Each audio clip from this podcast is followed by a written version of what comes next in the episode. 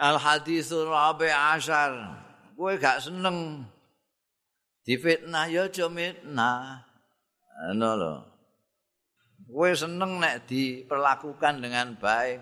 Kowe ya kudu seneng nek kancamu diperlakukan dengan baik. Wis ah mbok terusno tekan dindi itu hadis ini luar biasa. Tapi kudu eling li akhihi ya. Yuhib hatta yuhibba li akhi ma. Maf'ul bi yuhib itu ning ma, ora ning akhi. Al hadis rabi ashar hadis yang nomor 14. An Ibni Mas'udin saking sahabat Abdullah bin Mas'ud radhiyallahu anhu qala ngendika sapa Abdullah bin Mas'ud qala dawuh sapa Rasulullah Kanjeng Rasul sallallahu alaihi wasallam la yahillu damu mri'in muslimin ora halal apa darae wong muslim illa bi ihdatsalasin kejaba sebab satu dari tiga ini. Apa itu telu iku? As-sayyibuz zani. As-sayyibuz zani wong sing wong sing wis ndek bojo, wis tau ndek bojo, wong sing duwe bojo utawa wong sing tau duwe bojo dadi iso mencakup rondo, duda sing zina. Sayyibuz zani. wan nafsu bin nafsi lan awa-awaan bin nafsi lawan awa-awaan artinya dia membunuh orang lalu dikisos dibunuh. Watari kulidinihi lan sing tinggal lidini marang agamane. Asale Islam terus ditinggal no. al mufariku sing misai lil jamaati marang jamaah rawahu riwayatake ing hadis iku sapa al bukhari imam bukhari wa muslimun lan muslim ya tiga ini enggak boleh selain tiga ini enggak boleh dialirkan darahnya darahnya enggak boleh dialirkan enggak boleh dipateni tegese kecuali tiga ini. Tiga ini. Wong sing wis tau kawin utawa wong sing kawin zina. Itu nek hukumane dipateni, jam sampai mati. Wa nafsu bin nafsi mateni wong dipateni. Wong sing murtad mati. Tapi sing wong kadang-kadang lali sing berhak menentukan ini harus dipateni itu gak saben wong.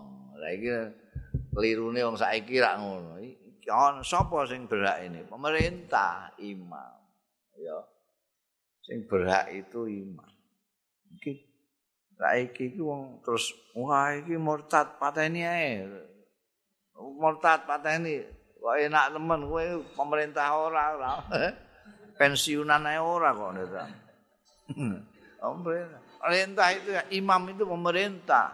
Pemerintah itu punya sing namanya hakim tinggi yang duwe, hakim agung yang duwe, hakim negeri yang duwe, hakim negeri, hakim tinggi, hakim agung.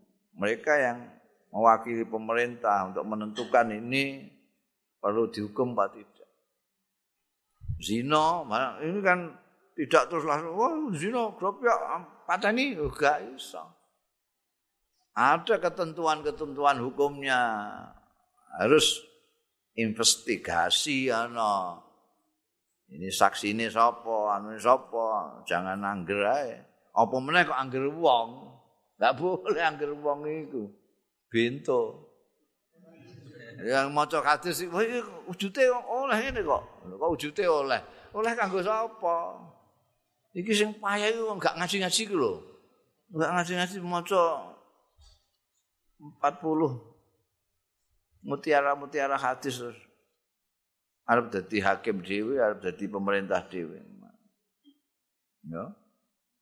Kayak bangkane apa iku dene?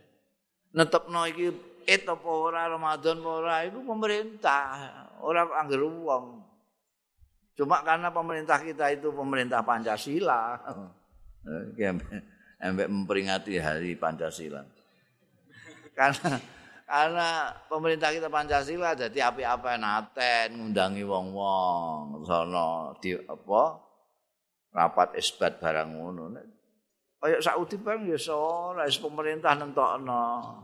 Pertimbangannya apa ya pemerintah dhewe wis rasa kondo kuwe ya. Sesuk et ngono wae.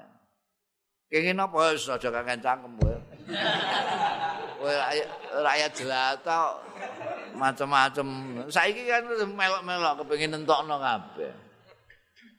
Lah terus geger dhewe, terus ngantek ana bodho loro segala macam itu mergo sing ora urusan barang melok-melok. Jadi bukan urusan rukyah dan hisab, tapi urusan sing nentokno iki lho kudu siji pemerintah. Wah ning negara ndi-ndi ku ya mok siji tok mergo sing nentokno pemerintah. Nah kita kan rame-rame angger wong kaya meh nentokno karepe piye.